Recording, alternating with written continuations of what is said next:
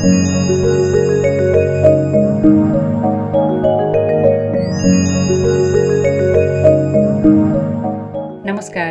Radio Udaipur एक सय दुई थुप्रो चार मेगा हर्सबाट प्रसारण हुने कार्यक्रम कथाकृतिमा तपाईँलाई हार्दिक स्वागत छ म उर्मिला दनुवार। यति बेला मलाई प्रविधिमा सहयोग गरिरहनु भएको छ पार्वता खड्काले। कार्यक्रम कथाकृति हरेक हप्ताको बिहिबार राति साढे नौ बजेदेखि दस बजेसम्म सुन्न सक्नुहुन्छ। तपाईँले यो कार्यक्रम radio उदयपुरको website W W W dot radio Udayapur dot ORG dot एनपीबाट पनि प्रत्यक्ष सुन्न सक्नुहुन्छ। अनि मोबाइल एप्स हाम्रो पात्रबाट पनि तपाईँले कार्यक्रम कथाकृतिलाई सुन्न सक्नुहुन्छ। कार्यक्रम कथाकृतिमा हामीले अमर नेउपानेको गुलाबी उमेर उपन्यास वाचन गर्दै आएका थियौँ र यस उपन्यास बाइस भागमा आएर सकिएको छ। र आज हामीले यस गुलाबी उमेर उपन्यासका लेखक अमर नेउपानेसँगको कुराकानी लिएर उपस्थित भएका छौँ। सोही कुराकानी आजको कार्यक्रम कथाकृतिमा प्रस्तुत गर्नेछौँ तर त्योभन्दा पहिले कार्यक्रममा एउटा गीत सुन्छौँ। रेडियो उदयपुर सुन्दै गर्नुहोला।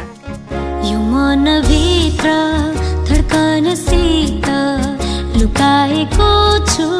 तिम्रै चित्र छातीको बाया तिम्रै माया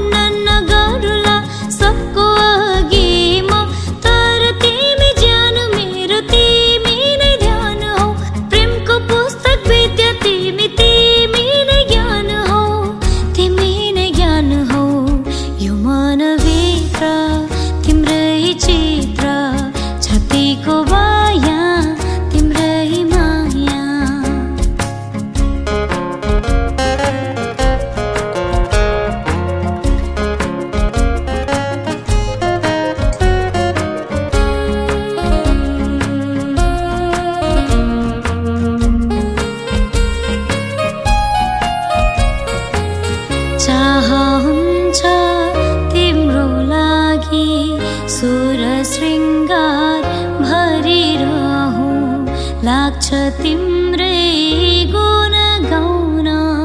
कोइलीको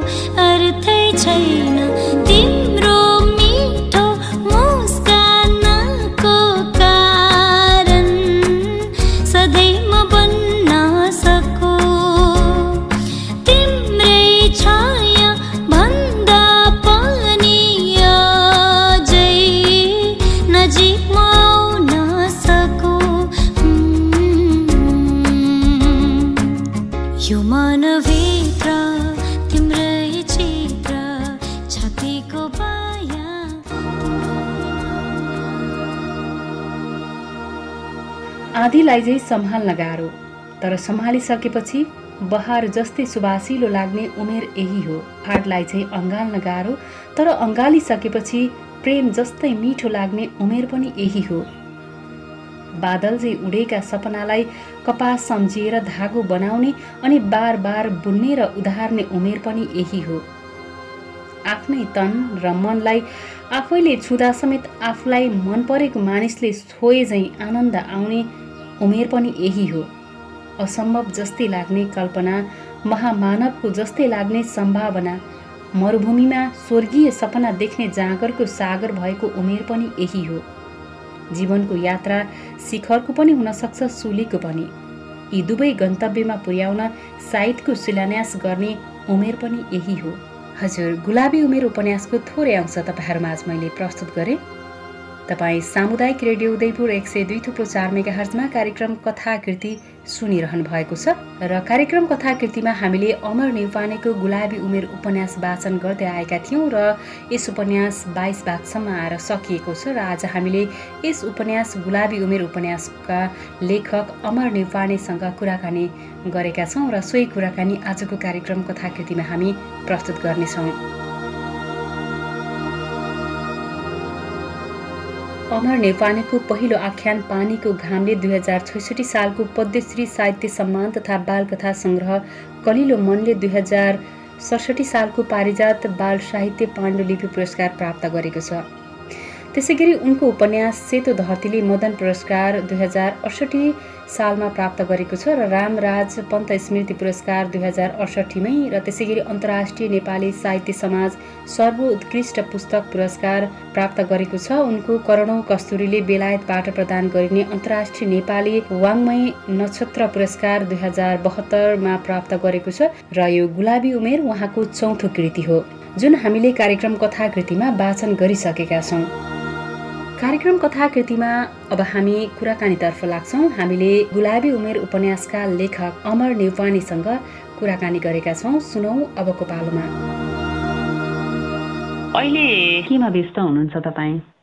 यतिखेर यो लामो समय एउटा लकडाउन जस्तो यो अलिकति विषम परिस्थिति भयो। यो समयमा चाहिँ मैले अलिकति अध्ययनमै धेरै समय बिताएँ।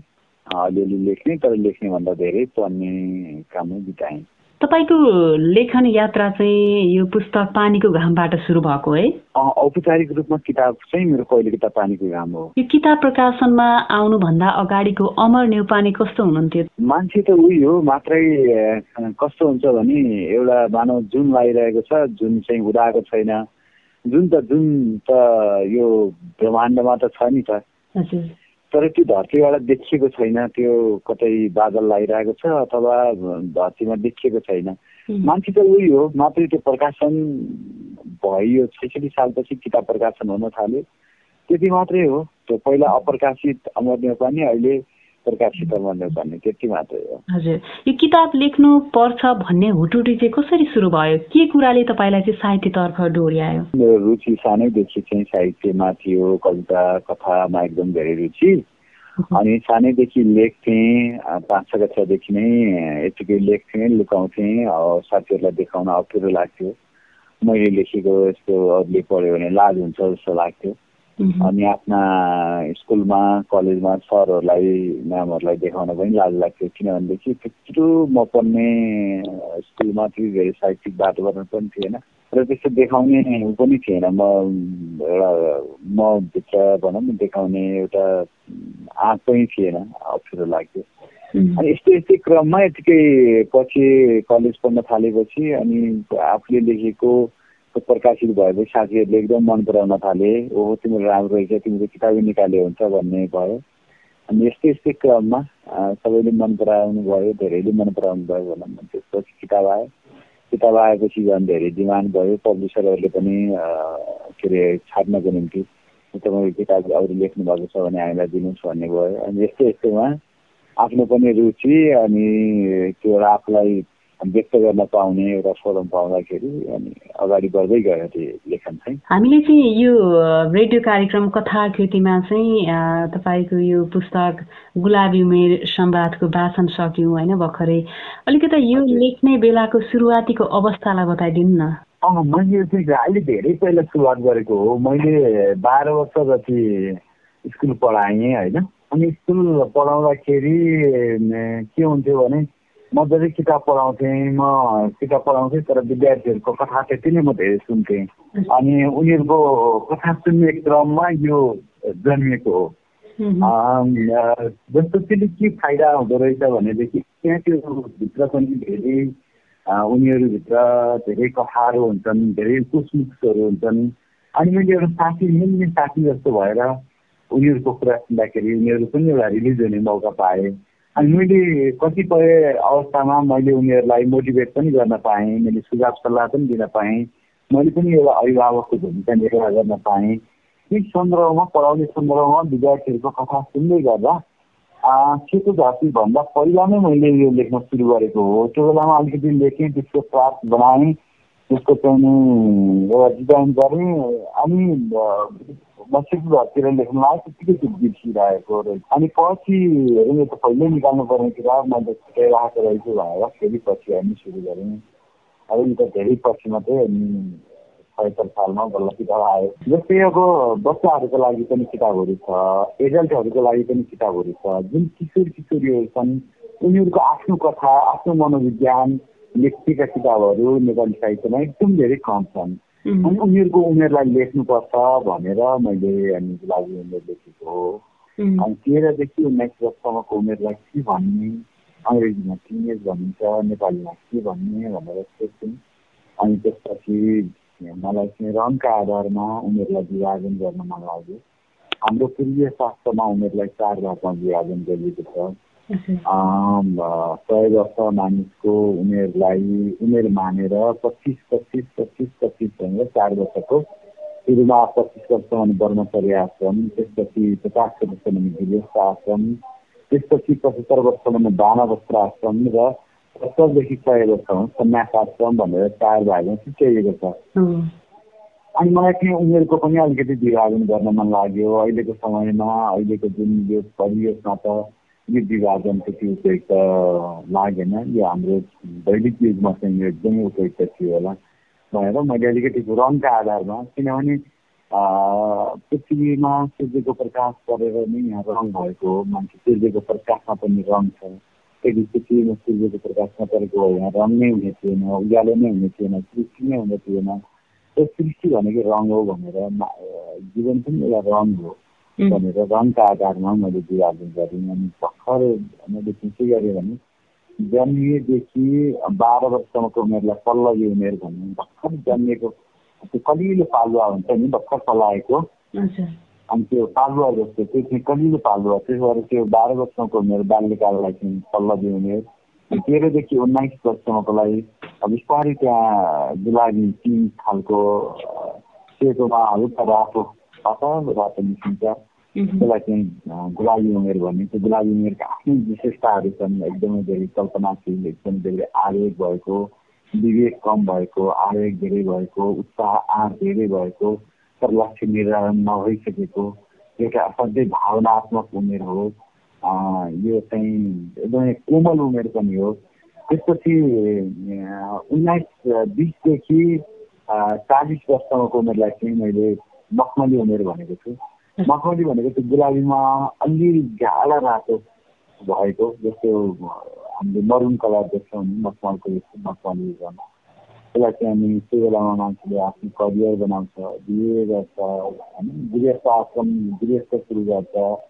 अनि आफ्नो करियर पनि त्यही बेलामा बनाउँछ त्यो उमेर मखमली उमेर अनि त्यसपछि चालिसदेखि साठीसम्म चाहिँ वैज्ञानिक उमेर जुन बेलामा त्यो मखमलीमा अलिकति मूल्य गर्न सकिन्छ मूल्य भनेको गहिराई हो चिन्तन हो दर्शन हो जस्तो हामी पर देखेका पाहाडहरू निलो देख्छौँ तर त्यही पाहाडमा गएर हेर्दाखेरि त्यो पाहाड चाहिँ निलो हुँदैन हरियो हुन्छ त्यहाँका अनि हामीले समुद्रको पानी पनि निलो देख्छौँ तर अङ्गुलीमा समुद्रको पानी उठाएर हेर्दाखेरि त्यो पानी निलो हुँदैन राम्रो हुन्छ त्यस्तै यो जुन वैज्ञानिक उमेरमा पनि जीवन चाहिँ कस्तो हुन्छ भने अलिकति निलो निस्किन्छ निलो भनेको गहिराई दर्शन माथि चिन्तनमा लाग्छ साठी वर्षको उमेरलाई चाहिँ वैज्ञानिक उमेर भनेको त्यसपछिको उमेरलाई मृत्यु पर्यन्तसम्मको उमेरलाई चाहिँ आत्माको उमेर भनेको हामी मरेपछि आकाशमा बिलाउँछौँ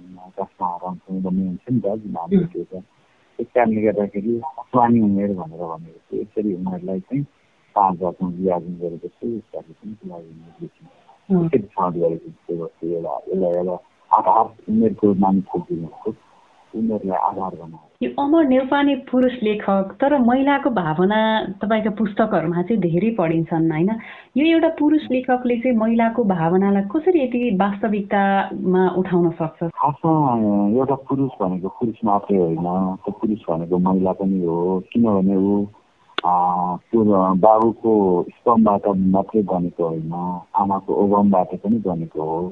ऊ आमाकै गर्भमा नौ महिना बसेको हुन्छ होइन? त्यसकारण अब चाहिँ नै रूपमा पनि उसले आमाको हृदयलाई आमाको मनलाई सबैभन्दा नजिकबाट चाहे त्यो छोरा होस् या छोरी उसले नजिकबाट अनुभव गरेको हुन्छ। त्यो आमा भनेको महिला नै हो। त्यस कारण एउटा पुरुष भनेको पुरुष मात्र हुनै सक्दैन। ऊ आधा महिला हो आधा पुरुष हो। उसले उसले उसले पुरुषलाई महिलालाई एकदमै नजिकबाट अनुभव गर्न सक्छ। उसले आमाकै दुखाएर उठेको हुन्छ आमाकै कोखमा ऊ महिना बसेको हुन्छ र आमाकै होमबाट ऊ भनेको हुन्छ। त्यसकारण एउटा पुरुषले महिलाको कथा लेख्नु पनि अनौठो र सबै नसक्ने कुरा होइन। त्यो चाहिँ उसले महिलालाई उसले आमालाई सजिलै अनुभव गर्न सक्छ उसले आफ्नो पत्नीलाई सजिलै अनुभव गर्न सक्छ। भने एवं महिलालाई उसले अनुभव गरेर महिलाको कथा लेख्न नसक्ने भन्ने हुँदैन। यो गुलाबी उमेर पुस्तक हामीले पढिरहँदाखेरि चाहिँ धेरै समय चाहिँ यो किशोर अवस्थाकै वरिपरि घुमिरहेका हुन्छौँ क्या। एउटा पुरुष लेखकलाई चाहिँ एउटा किशोरीको किशोर अवस्था वर्णन गर्नको लागि चाहिँ कतिको सहज काम हो त्यो? यो किशोर अवस्थाकै कथा हो। किशोर अवस्थाभन्दा अन्त भएन। मैले चाहिँ के छ भने अहिले मैले भनिहालेँ एउटा पुरुषले महिलालाई अथवा सजिलै अनुभव गर्नु सक्छ। किशोर भएर आएको अनि मैले भनौँ न अब थुप्रै किशोरी विद्यार्थीहरू किशोर किशोरी दुवै हुन्छ विद्यार्थीहरूलाई पढाउँदाखेरि।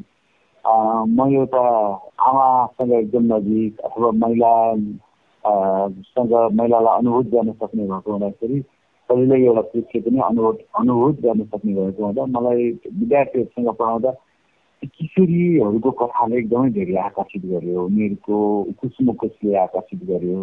उनीहरूका जीवनका उतार चढावहरूले आकर्षित गर्यो। र यो कथा त मैले लेख्नै पर्छ भन्ने लाग्यो। अर्को कुरा एउटा पुरुषका लागि महिला अथवा किशोरका लागि किशोरी एउटा रहस्य पनि हुँदो रहेछ। चाहिँ यो गुलाबी उमेर उपन्यासमा चाहिँ एउटा शिक्षित आमा बाबु हुनुहुन्छ होइन? अनि उहाँहरूको छोरी होइन जसलाई चाहिँ छोरा जस्तो बनाइएको छ क्या? अनि उसलाई नाक छेडिएको छैन होइन? केस काटिएको छ उसलाई बाबु भनिएको छ होइन? छोरा जस्तै बनाइएको छ क्या? यसले चाहिँ दिन खोजेको सन्देश के होला?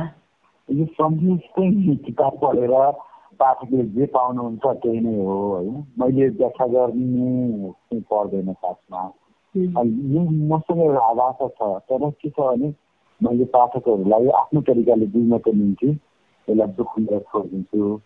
किनभने मैले त्यसको व्याख्या गरिदिएँ भने उहाँहरूले आफ्नै आफ्नो तरिकाले बुझ्ने जुन एउटा स्वतन्त्रता हुन्छ त्यसमाथि मैले हस्तक्षेप गरेको जस्तो हुन्छ होला। यो तपाईँको पुस्तकहरू पढिरहँदाखेरि चाहिँ गुलाबी उमेर किशोरी केन्द्रित छ होइन? अनि पानीको घाम सेतो धरती त्यो हरेक पुस्तकहरूमा चाहिँ महिलाहरूको मनोविज्ञानलाई चाहिँ एउटा त्यो सशक्त रूपमा उतारिरहनु भएको छ होइन? महिलाको यो मनोविज्ञानमा चाहिँ बगिरहेको छ क्या? यसको रहस्य के होला? मलाई थाहा छैन होइन। जब सेतो धरती आयो अनि त्यो एकदमै धेरै मन पराउनु भयो विशेष गरी महिलाहरूले नै मन पराउनु भयो सेतो धरतीको अहिले पनि मलाई लाग्छ साठी सत्तरी प्रतिशत पाठक महिलाहरू नै हुनुहुन्छ। एकदमै शिक्षितदेखि एकदम सामान्य गृहणी महिलासम्म एकदम गाउँकादेखि सहरका महिलासम्म एकदमै भर्खरका किशोरीदेखि अनि एकदमै प्राउड महिलासम्म सबैले मन पराउनु भएको छ। म गाउँको सुदूर गाउँमा जाँदा पढ्नु लेख्न नजान्ने हजुरआमा आमाहरूले पनि छोरीलाई नातिनीलाई पढ्न लगाएर त्यही भएर सुन्नुभएको धेरै पाएको छु होइन अनि मलाई के लाग्यो भने हो मैले मलाई त मेरो किसिमको किताब लेख्नु भनेको परीक्षा पनि हो। अनि म त उहाँहरूले त्यो मन पराउनुको अर्थ हो मैले साँच्चै महिलाको मनोविज्ञान अथवा एउटा बाल विधवाको मनोविज्ञान अथवा आम महिलाको मनोविज्ञान साँच्चै मैले छिटो लेखेको रहेछु त। अनि त्यसैले त उहाँहरूले मन पराउनु भयो। हाम्रो कथा हाम्रो पालाको कथा फेरि मेरो हजुरआमाको पालाको कथा होइन? धेरै आमाहरूले हजुरआमाहरूले भन्नुभयो हाम्रो पालाको कथा कसरी लेख्यो? होइन यस्तो कसरी आयो? यो त हामीले भन्न पनि सक्दैनौँ भनेर भन्नुभयो। अनि मैले पनि भने फेरि फेरि लेखेँ मध्यजात बसेँ त्यो आमाहरूको सङ्गत गर्ने अनि मैले उहाँहरूको कथा सुनेँ। अनि त्यसपछि लेखेको अध्ययन गरेर लेखेको अनुसन्धान गरेर लेखेको आत्मसात गरेर लेखेको भनेर भने। अनि किन किन मलाई त्यो म अलिकति व्यक्तिगत रूपमा अलिकति बढी भावनात्मक छु। अनि महिलाहरूको प्रवृत्ति पनि स्वभाव पनि अलिकति बढी भावनात्मक हुन्छ। अनि त्यो भावनात्मक भएको हुनाले मलाई भावनात्मक कुरामा थोरै विचार मिसेर थोरै दर्शन मिसेर लेख्दाखेरि एकदम मजा आउँछ। अनि पुरुषहरू सामान्यतया महिलाहरूभन्दा कम भावना जस्तो लाग्छ। उनीहरूलाई जेनलाइजेसन गर्नु नमिल्ने हो। कोही पुरुष महिलाभन्दा बढी भावनात्मक होला कोही महिला त्यस्तो पनि पुरुष धेरै भावनात्मक पुरुष पनि होला नि धेरै वैचारिक महिलाहरू पनि होला। मैले अब अहिलेसम्म बुझेको उसमा चाहिँ आम धेरै जस्तो महिलाहरू भावनात्मक पाउँछु धेरै त्यही भएर मलाई पनि त्यो भावना लेख्न मनपर्ने भएको हुनाले मैले महिला पात्रहरू बढी बढी होला जस्तो लाग्छ। होइन अब किताबले पुरस्कार पायो। मलाई अब त्यो एचएससीले सबैले मन पराउनु भएको थियो। पुरस्कार पायो। त्यसमा झन् खुसी थपिने भयो होइन।